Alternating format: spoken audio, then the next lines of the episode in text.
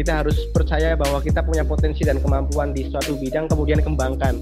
Caranya tadi dengan berlatih berlatih berlatih. Kita disuruh sama panitianya itu bukan cuma sekedar masang ini doang masang karya doang cuma harus ditulisin harganya juga gitu. Karena kata beliau itu zaman sekarang itu kita harus berperang ya harus pada medannya.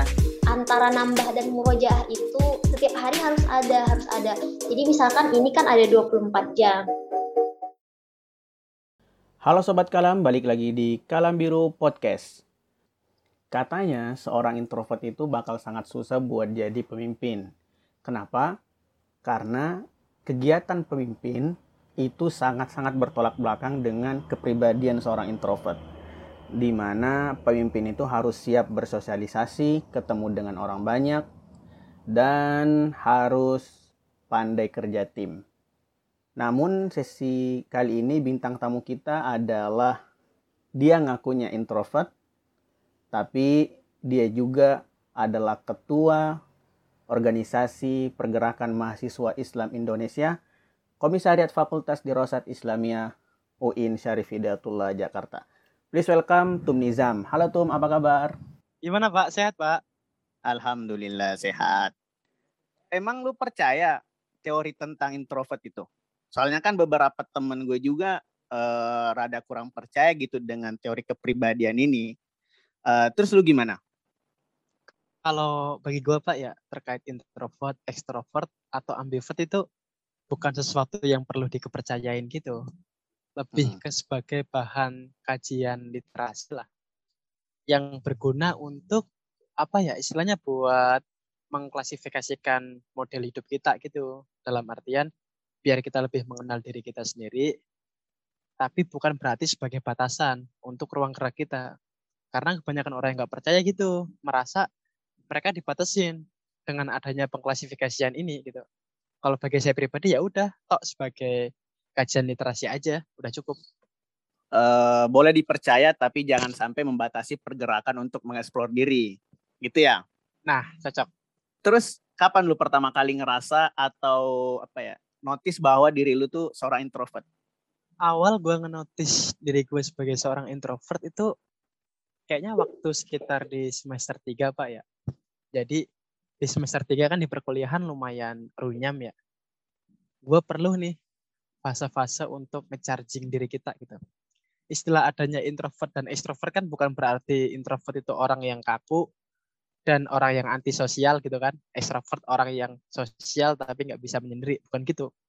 Lebih ke gimana sih cara kita mencharging diri kita gitu gimana sih cara kita mengumpulkan energi-energi kita biar kita lebih semangat dalam mengarungi kehidupan yang lumayan berat ini gitu pak. nah awal gue ngenotis bahwasanya diri gue introvert itu kayaknya waktu di semester 3.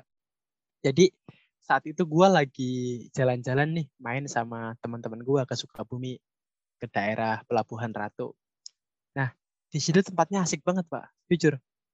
Di situ daerahnya sekitar daerah pegunungan, kemudian suasananya asri, udaranya sejuk, ditambah lagi ketika gue turun gunung, itu langsung kelihatan hamparan laut yang luas gitu, yang asik banget buat main.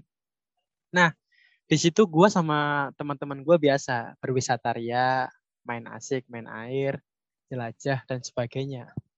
Cuma yang gue rasain pak ya, harusnya kan fase-fase dharma wisata kayak gitu, kita main harusnya kan bisa buat mencharging diri kita ya. Tapi yeah. yang gue rasain tuh gue malah lelah banget gitu pak. Jadi pasca hmm. gue selesai wisata itu, pasca gue selesai main-main, ternyata gue malah capek banget rasanya gitu. Nah di sisi lain ketika gue cuma tidur-tiduran di kamar, gue ketika ngegame doang atau sebatas asik baca novel, itu lebih mencharging energi gue gitu. Alhasil pasca gue ngelakuin itu, energi gue lebih banyak untuk beraktivitas sehari-hari gitu.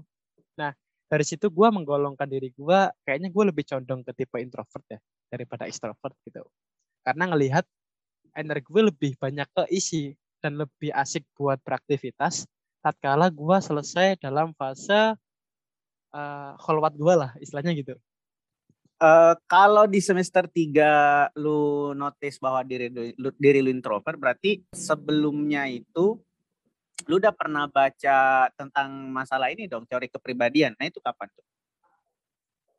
Untuk itu gue kayaknya lupa deh kapan ya. Cuma terkait teori keprib- kepribadian tuh gue pernah baca itu di salah satu artikel mojok, Pak. Cuma untuk tahun atau bulannya gue lupa. Udah lama banget. Oh, berarti eh, memang pengetahuan tentang eh, teori kepribadian ini sudah didapatkan sebelumnya sehingga pas nanti baru apa ya diverifikasinya itu pas di semester 3 gitu. Oh ternyata eh, di di di kepribadian gue ini ada ada jiwa-jiwa introvert gitu ya. Iya, Hmm, oke. karena ngelihat dari fase tadi ada beberapa indikasi yang cocok lah dari artikel yang gue baca gitu. Nah, menurut lu nih, emang introvert itu bisa jadi seorang leader? Kalau bagi gue ya terkait klasifikasi introvert, extrovert atau bahkan amb- ambivert ya itu nggak menutup batas diri kita dalam berproses, dalam belajar atau bahkan dalam menjadi seorang leader, Pak.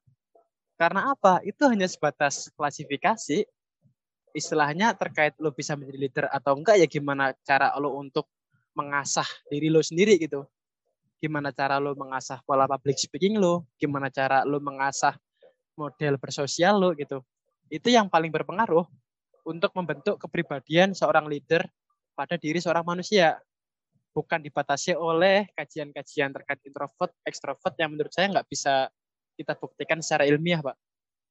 Iya iya iya benar sih. Seperti yang lu bilang tadi di awal ya. Ya itu nggak boleh ngebatasi diri ya. Ya soalnya kan beberapa orang ada yang menganggap eh, maksudnya mungkin ya mungkin mereka menjadikan semacam alasan gitu eh, pembenaran atas mungkin ketidaksukaannya dengan sesuatu gitu. Ah gue nggak suka ngumpul-ngumpul karena gue introvert gitu. Padahal kalaupun misalnya dia nyoba buat ngumpul sekali dua kali itu bisa saja dia menjadi menjadi senang dengan hal seperti itu kan Nah, iya, terkadang orang nggak Hmm. suka ngumpul tuh bukan karena introvert, karena mungkin tongkrongan dia nggak sesuai dengan eh, karakter dia aja gitu. Atau frekuensinya nggak nemu Nah, nggak satu frekuensi, nggak satu frame, atau apa yang dibahas di tongkrongan tersebut nggak sesuai dengan bacaan dia mungkin. ya berarti bukan tidak selamanya orang yang nggak suka nongkrong itu introvert ya iya, karena saya sering loh nemuin teman-teman teman-teman gua ya, yang tatkala dia itu pendiam gitu. Cuma setelah gua deketin, gua ajak ngobrol, yang sekiranya sesuai dengan passion dia, oh ternyata asik loh gitu. Berarti emang dia ngebatasin diri dia aja dalam beberapa hal. Untuk di lain itu mungkin dia lebih menutup diri atau mungkin dia belum berpengalaman untuk ngebahas ataupun ngobrol bicara hal-hal di luar kemampuan dia. nah itu juga tuh kan kadang ada orang yang yang menganggap kalau ah orang introvert nggak asik mah diajak ngobrol gitu asik sendiri punya dunia sendiri gitu kan padahal mah kalau kita bisa nyambung aja dengan dengan mereka ya eh, kita tahu mungkin hobinya atau apanya gitu kan ya itu bisa membangun obrolan yang menarik dengan orang-orang introvert gitu Nah, setuju. Iya. Bahkan gue sendiri sering banget udah nemuin teman-teman gue yang introvert ketika gue ajak ngobrol ya. Ternyata apa yang dia bahas tuh hal-hal yang bener-bener out of the box gitu, Pak. Di luar pola pikir konstruksi gue pada umumnya gitu. Ya yang mana tuh nggak gue temuin di teman-teman gue yang extrovert. Mungkin karena dia tipikal orang pemikir ya. lebih suka ngawang-ngawang kali ya Nah, berimajinasi imajinasinya Iya, iya, mungkin iya, lebih liar gitu pak karena dia lebih banyak menghabiskan waktu dia untuk berpikir dengan diri dia sendiri gitu daripada menghabiskan waktunya untuk ngobrol dengan orang lain Tapi lu udah ini belum? Udah udah tes MBTI belum? belum sih paling ya tes tesan googling googling yang ngawur aja coba-coba Eh, coba tuh tes MBTI. Kayaknya siapa yang kemarin ya? Banyak tuh di ini pilih salah satu aja kan. Tes MBTI buat benar-benar validasi kalau ya setidaknya ada bukti legalnya lah, bukti tersurat gitu kan. nah itu pak jadi semenjak gua ngejabat jadi ketua komisariat ya itu aja gua makin ragu loh kepribadian Kalau gua apa gitu iya karena gini nih dulu kan gua pasti lebih suka atau dalam artian mencharging diri gua dengan kesendirian gua ya. Baca novel ataupun baca buku ataupun sekedar ngegame sendiri gitu. Ya. semenjak gua ngejabat ketua komisariat, gua kan hidup di sekret pak, yang mana di sini tuh rame, istilahnya 24 per 7 lah. Selama seminggu, selama 24 jam ya rame terus gitu. alhasil apa? Gue nggak punya waktu buat me time di sini gitu. Yang bener-bener buat gue dengan kesendirian gue dengan hobi gue itu lumayan stres banget pak dulu pak. Di awal-awal pengurusan ya. Tapi coba gue kuat kuatin gitu kan. Ya udahlah daripada nanti eh, hal-hal yang lain nggak bisa gue akomodir gitu kan. Gue paksain diri gue untuk tetap di secret bersama teman-teman meskipun rame gitu kan.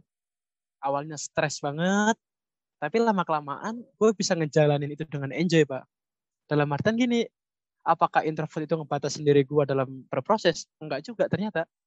Ketika gue paksa gue paksa lama-lama diri gue bakal beradaptasi gitu. Bahkan bisa bahkan sekarang pun gue bisa menggolongkan diri gue menjadi pribadi yang ambivert loh. Bisa menyesuaikan gitu dalam artian gue introvert bisa extrovert bisa. Ya karena itu karena ada tekanan. Dengan ada tekanan kemudian secara nggak langsung atau mungkin nggak sadar diri gue sendiri beradaptasi dengan hal itu lama kelamaan gue bakal bisa nyesuaiin lah nah makanya ketika disuruh tes lagi gue agak kurang yakin gue masuk pribadi introvert lagi atau enggak ma- berarti lu punya keyakinan bahwa ke- kepribadian seseorang itu bisa berubah sebenarnya. Maksudnya seorang introvert pun tidak menutup kemungkinan dia akan menjadi seorang extrovert kalau misalnya dia ketemu dengan eh, lingkungan yang pas ataupun mungkin karena sebuah tekanan gitu yang memaksa dia untuk eh, merubah untuk apa ya untuk berubah merubah kepribadiannya. lebih dari keyakinan sih Hmm. lebih dari keyakinan dalam hal ya pengalaman gue pribadi gitu apa yang gue rasakan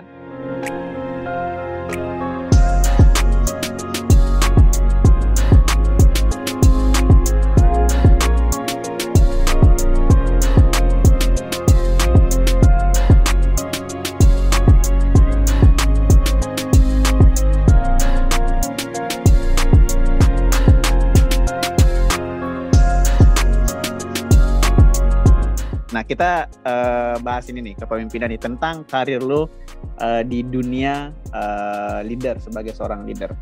Kapan sih pertama kali lu jadi seorang ketua gitu di orga, di sebuah organisasi?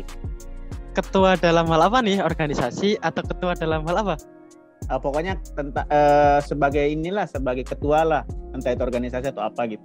oke sebagai pemimpin mungkin ya Ya Yang lebih umum pemimpin. gitu. Mm. Gue sendiri awal memimpin suatu forum ya maksudnya itu perkumpulan orang itu di kelas 5 SD pak. Tepatnya sebagai ketua kelas. Nah itu pun gagal pak. Karena apa? Karena idealis gue saat itu gitu. Jadi eh, pada saat itu kan gue sebagai ketua kelas ya ada salah satu atau beberapa guru gue yang mana itu hampir tiap hari ada PR pak dan teman-teman yang nggak bayar nggak ngebuat PR itu disuruh bayar per PR 500 gitu. Nah, akumulasiin aja lah selama seminggu misal ada empat matkul kan, empat pelajaran. Kemudian dia nggak ngerjain empat empat PR itu. Berarti kan selama seminggu dia harus bayar 2000 ya. Yang mana pada saat itu ketika gue masih kecil, uang 2000 tuh lumayan gede juga gitu. Nah, di situ teman-teman gue yang nggak ngerjain PR, gue datain semua, kemudian yang belum bayar gue datain datanya gue storyin terus ke guru gue lama-lama apa? Gue dibenci satu kelas pak. Karena idealis gue saat itu gitu. Pokoknya gue harus menjadi seorang ketua kelas yang benar-benar lurus gitu kan. Dan gue berusaha agar teman-teman gue ngerjain PR eh ternyata malah berimbas sebaliknya. Gue dibenci sekelas bahkan sampai ke tahap bullying sih. Nah pasca itu gue udah nggak mau lagi tuh untuk memimpin suatu kumpulan orang, organisasi atau apa pun. Selama SMP, SMA gue nggak pernah mimpin organisasi itu atau ngepimpin suatu acara. Baru di sekitar gue semester 4 ya, semester 4 kuliah, itu baru gue mulai mimpin organisasi Pak. Tempatnya itu di Sabil. Jadi di Sabil itu kan ada acara namanya Gebiar ya. Nah, di situ awalnya juga gue bukan pemimpin, gue nggak mau jadi ketua gitu. Awalnya gue sekretaris. Karena gue tuh lebih suka untuk ngedorong temen gue sebagai pemimpin gitu. Dan gue backup dari balik layar daripada gue sendiri yang harus so apa nah cuma karena itu acara yang gede ya acaranya kurang lebih selevel hamasah offline lah. Yang itu ngabisin duit puluhan juta. Kemarin aja gue habis sekitar 70 juta tuh. Nah, ternyata ketua acaranya goncangan, Pak. Tumbang dia. Mau nggak mau ya, gue harus ngambil alih itu. Gue harus take over. Yang awalnya gue itu nggak pernah ngamimpin suatu organisasi, kecuali kelas 5 SD. Di situ gue harus berusaha menghadapi trauma gue waktu SD dulu. Karena adanya apa? Adanya tekanan, Pak. Nah, ini nih yang bikin gue yakin sama salah satu quotes ya. Gue lupa itu Tan Malaka apa Pram ya. Yang isinya itu terbentur, terbentur, terbentuk gitu. Eh, Tan Malaka, Tan Malaka. Tan Malaka kan ya. Mm. Terbentur, terbentur, terbentuk. Di situ gue ngerasa, oh berarti bentukan gue ini bisa sampai pada fase sekarang karena gue banyak benturan, Pak. Nah, karena tekanan tadi, benturan tadi, dengan dipaksa gue memimpin suatu acara besar ya, meskipun sifatnya bukan tahunan, lebih ke event kan, di situ gue belajar banyak banget. Disabil ya secara khusus gitu. Gue belajar teamwork, gue belajar kepemimpinan, gue belajar manajerial, dan juga belajar banyak hal lain seputar organisasi. Nah, dari situ eh, jiwa-jiwa PD gue baru muncul lagi, Pak. Pasca acara itu selesai. Karena gue ngerasa, wih, acara sebesar ini aja bisa gue kelarin gitu loh. Apalagi acara-acara kecil. Bukan berarti sombong ya, cuma karena adanya banyak tekanan tadi, kemudian gue ngurus sesuatu yang sifatnya lebih rendah daripada itu untuk acara-acara kecil, gue lebih enjoy gitu. Dan tentunya ini karena banyak dukungan dari teman sih, banyak support dari teman-teman gue yang satu sambil, yang selalu ngebimbing gue nih dalam menjalankan organisasi gitu. Eh, tar, kita balik ke belakang dulu ya eh, di ketua kelas kelas 5 SD ini. Nah berarti itu cukup mendalam ya traumanya ya, karena kan sampai membuat lu nggak nggak mau ngambil eh, peran sebagai ketua di SMP, SMA gitu. Nanti beraninya pas di kuliah itu pun karena terpaksa gitu. Itu sangat-sangat eh, membekas berarti ya. Iya. Apalagi bullying ya. Jadi sampai sekarang pun gue masih benci gitu ketika mendengar perihal bullying-bullying masyarakat atau anak-anak ya. Khususnya ketika masih SD di mana mereka masih di fase tahap perkembangan ya dan pertumbuhan gitu. Traumatik yang ditimbulkan dari bullying itu sangat berpengaruh, Pak, dalam perkembangan dia ke depannya gitu. Dia bakal lebih menutup diri, lebih nggak percaya dengan dirinya sendiri, lebih banyak tekanan dalam menjalani kehidupan dia gitu. Kecuali dia mendapatkan support yang bagus atau lingkungan yang bagus ya. Tapi ketika hal itu tetap berlangsung dalam artian bullying itu nggak ada penanggulangan, nggak ada solusi, pasti bakal ngebekas dan menjadi traumatik sampai dia dewasa pak. Gue aja bersyukur ya, gue dapat banyak tekanan. Dari situ gue bisa lepas dari bullying gue itu. Ya meskipun sebenarnya eh, bullying gue udah mulai lepas ya ketika gue SMA ya. Tapi yang bener-bener bisa lepas dalam artian gue bener-bener bisa pede, gue bener-bener bisa berdamai dengan diri gue sendiri ya pasca gue selesai ngurus organisasi itu gitu. Pasca pasca selesai gue ngurus acara disabil. Karena apa? Karena bullying waktu SD itu ngerambatnya nggak cuma satu hal, Pak. Istilahnya ketika gue benci sama seseorang ya, dan gue ngebully dia, pasti gue cari-cari kesalahan dia dong gitu. Nah, salah satu hal yang paling ngebekas dari gue itu apa? Pertama, terkait fisik ya. Gue dulu waktu SD kan orangnya kecil, dekil, kemudian hitam kan. Itu kan enak banget gitu buat bahan bullying kan gitu. Terus gue juga punya penyakit flu tahunan, yang mana ingus gue keluar terus. Nah itu tiap hari dibullying gitu kan. Bahkan bully itu nggak cuma bully verbal ya, sampai ke beberapa tindakan yang menurut gue ekstrim lah untuk bocah-bocah seumuran itu. Dan traumatiknya lumayan dalam. Ya gue berdoa aja sih semoga eh, bullying-bullying yang sekarang masih berkembang bisa segera terminimalisir lah. Khususnya bullying media sosial kan. Karena itu pengaruh banget sebenarnya buat psikologis orang-orang, Pak. Tapi lu kan ini Zam, apa namanya berprestasi gitu. Maksudnya kan biasanya orang yang berprestasi ya eh, prestasinya kan menutupi kekurangannya gitu kan. Sebagai juara kelas mungkin atau sering ikut lomba itu kan setidaknya biasanya so- soalnya pengalaman pengalaman gue kayak gitu. Eh, beberapa teman yang eh, berprestasi itu mengangkat secara langsung mengangkat mengangkat orangnya kan, apalagi masih SD gitu. Di mata orang-orang tua murid yang lain pun pasti selalu wah ini anaknya pinter kayak gini gini. Tapi eh, itu emang nggak nutupin kekurangan dari fisik gitu. Sorry nih. Oke, justru kalau bagi gue ya berprestasi itu termasuk eh, menambahkan indikasi adanya bullying, Pak. Oke lah, kita berprestasi, kita lebih dihormatin ya. Cuma itu kan paling dalam tingkat dalam tingkatan guru atau dalam tingkatan wali murid lah. Itu yang gue rasain. Cuma ketika dalam tingkatan sesama murid, yang istilahnya sampai sekarang pendidikan di Indonesia itu masih memakai model kompetisi, ya kan? Itu menimbulkan iri dengki, Pak. Apalagi yang ngebully gua itu dulu dia ranking 2. Pasti ada dong. Rasa-rasa iri dengki gitu ditambahin dengan beberapa masalah gua ketika ngejabat sebagai ketua kelas. Kemudian ditambahin fisik gua uh makin menjadi-jadi gitu. Kecuali lo good looking gede badan gitu kan.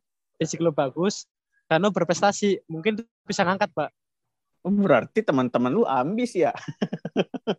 kayaknya ambis Pengen, maksudnya yang yang juara dua itu ambis banget pengen juara satu. nah itu gue nggak tahu ya bahkan gue sendiri ketika gue flashback kan gue ngerasa kayak gue dulu tuh ngerasa nggak belajar belajar banget gitu. Yang penting ngerjain PS belajar ya belajar nggak bener-bener ambis gitu. Emang kebetulan ranking ranking satu aja gitu. Dan ternyata ranking dua di kelas gue orangnya ambis. Ya gitulah hasilnya kan. Iya, soalnya kan anak SD ya. Gue teman-teman gue waktu SD justru malah, maksudnya kalau teman gue ya yang SD tuh malah mereka nganggapnya, wah dia ranking satu, udah kita nggak bakalan sekuat apa pun lu belajar, kita nggak bakalan bisa ngalahin dia yang udah ranking satu dari kelas satu gitu. Mereka tuh udah udah bukan bukan ambis lagi, mereka udah putus asa. nah itu sih yang gue termasuk kritik gue ya pada Mm, pendidikan di Indonesia gitu Iya. Jadi pendidikan di Indonesia itu masih mengacu pada sistem kompetisi antar murid, Pak. Alhasil gitu. Setiap orang berlomba untuk menjadi yang paling baik, menjadi yang terbaik gitu. Alhasil apa? Segala macam hal dilakukan. Entah itu dengan ngebully orang yang lebih pintar daripada dia, entah itu dengan nyontek atau hal-hal yang menurut gua eh, kurang bagus lah. Harusnya ketika kita bisa ngambil sistem pendidikan yang bagus ya, misal dari Polandia gitu. Kita bisa pakai model kolaborasi gitu. Karena sejatinya pendidikan tuh nggak cuma untuk pelajaran aja, nggak cuma untuk ngebantu kita biar lebih pintar aja. Lebih dari itu pendidikan juga sangat berpengaruh dalam pembentukan moral dan karakter bangsa kita. Karena percuma ketika dia pintar, jenius, ternyata moralnya jelek gitu. Karena apa? Karena adanya kebiasaan-kebiasaan itu yang mewajibkan mereka untuk berkompetisi dengan KKM yang tinggi banget 75 menurut saya kan akhirnya dia melakukan segala hal untuk bisa mencapai hal itu. Nah, di sini berpengaruh banget ya pada karakter seseorang ketika dia mencapai tahap yang tinggi dalam artian misal nih jadi pejabat ya pasti dia ya karakter yang dia bawa waktu masih SD atau masih tahap sekolah bakal ke bawah sedikit banyaknya gitu. Jadi budidaya budidaya eh, budidaya sih. Budaya-budaya untuk jujur dan kolaborasi itu nggak ada. Lebih ke kompetensi curang saling menjatuhkan. Itu yang ada. Ya meskipun hasilnya pinter ya karena kompetisi gitu. Tapi secara karakter gue masih kurang kurang suka. Mungkin sisi negatifnya eh, si pendidik ini dalam arti guru eh, mereka itu kadang memaksakan semuanya pada siswanya gitu. Jadi siswanya harus bisa matematika, harus bisa bahasa Indonesia dan sebagainya gitu kan.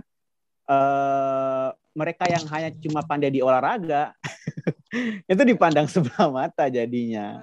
Artinya siswa-siswa yang mungkin nggak jago di matematika terkucilkan gitu eh, oleh gurunya dan akhirnya itu malah membuat mereka semakin down, semakin eh, malas buat belajar gitu. Bukannya menambah motivasi, ya jadinya makin gitu. Akhirnya itu pun terbawa di, di saat sampai kuliah gitu.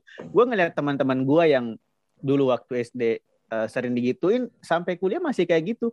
Ah udah kita emang nggak pintar, nggak ada yang bisa di ini. Maksudnya mereka nggak punya apa ya rasa rasa keingintahuan yang kuat itu nggak ada dari mereka. Kalau gue lihat ya, mungkin ditambah lagi dengan faktor orang tua juga ketika sampai di rumah. Nah itu sih sisi negatif yang gue tangkap juga dari uh, model pendidikan kompetisi kompetisi kompetisi seperti ini. Iya Pak, setuju banget. Dalam artian gini nih, yang gue lihat ya, eh, indikasi kepintaran seseorang itu dihitung dari gimana dia bisa memahami pelajaran matematika ataupun fisika lah sesuatu yang Iya. berbau angka gitu kan Iya, Tapi- kenapa kok itu ya? nah pelajaran-pelajaran yang lain nih misal kayak seni kemampuan bersosialisasi public speaking kenapa nggak dihitung gitu? Alhasil apa? Orang-orang yang nggak pintar matematika semakin terkucilkan padahal tiap orang kan punya passionnya masing-masing. Benar, benar. Ah, harusnya fungsi pendidikan yang bisa untuk eh, menemukan seseorang sesuai dengan passion dia terbatasin menjadi apa? Mengkubur potensi tiap siswanya karena nggak ada sistema sistemasi yang bagus tadi di sana Iya, benar sih. Kenapa selalu matematika gitu? Eh, ih, apa mungkin ini karena, aduh, gue gak enak ngomongnya lagi. Apa mungkin karena gurunya kali ya? aduh mungkin karena matematika dipandang sebagai hal yang rumit pak Iya sih. Padahal guru guru yang ngajar, guru yang jadi wakil kelas pun nggak nggak mungkin mereka nggak terlalu jago juga matematika kan?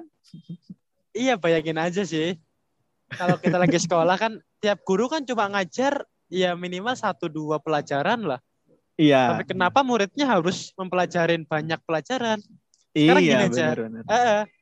di Indonesia lebih kacau lagi. Pelajaran agama itu banyak banget. Khususnya yang sekolah-sekolah aliyah ya. Ada fikih, kita akhlak, belum tafsir, belum yang lain-lain gitu. Akhirnya apa? Gue aja pernah ngitung tuh pelajaran gue di sekolahan waktu aliyah. Itu ada sekitar 21 ataupun 22 pelajaran gitu, Pak. Bayangin, dalam satu minggu kita belajar 22 fun keilmuan yang berbeda. Pinter enggak? Gila bisa, Pak. Gue tuh pernah ikut lomba. Ikut lomba kalau nggak salah siswa berprestasi itu kelas 5 ya. Di lu ada ada nggak Zam? Siswa berprestasi. Kayaknya ada, cuma nggak tahu. gue tuh pernah ikut lomba siswa berprestasi. Itu tuh eh, lombanya, pokoknya siswa berprestasi di kelas itu dilombakan dengan sekolah lain bahkan sampai tingkat kabupaten. Lombanya itu lomba semua mata pelajaran gitu. Jadi dari PKN, IPS, matematika, IPA, eh, bahasa Indonesia gitu. Eh, sampai karya seni juga ada. Nah, gue kan nggak tahu matematika ya. nilai gue pas lomba itu cuma nilai matematika gue lomba itu nol, nggak ada yang bener. nol dari 10 soal matematika Iya. nggak ada yang benar sama sekali tapi nilai IPA gua itu nggak ada yang salah malah kebalikannya Buset. Nah, itu, Nah, Pak. nah gurunya gurunya itu yang wali waktu itu wali kelas gua justru maksa gua untuk belajar matematika gitu sampai gua stres karena gua nilai matematika gua nggak ada sama sekali waduh stres banget itu belajarnya dan nggak bisa bisa juga ujung-ujungnya Harusnya ketika lo ngabisin waktu lo waktu SD dulu ya, karena pelajaran IPA, lo bisa lebih pintar sekarang, Pak. Daripada menghabiskan waktu di matematika. iya juga sih oke kita balik ke ini ya ke kita terlalu jauh ke Oh iya. sih Biasaan nih ketika ngobrol lama lo, Oke, ngelantur kita balik ke mana-mana. ke kita balik ke kepemimpinan nih. Eh, kita harus percaya bahwa kita punya potensi dan kemampuan di suatu bidang kemudian kembangkan. Caranya tadi dengan berlatih berlatih berlatih. Kita disuruh sama panitianya itu bukan cuma sekedar masang ini doang masang karya doang cuma harus ditulisin harganya juga gitu. Karena kata beliau itu zaman sekarang itu kita harus berperang ya harus pada medannya. antara nambah dan murojaah itu setiap hari harus ada harus ada. Jadi misalkan ini kan ada 24 jam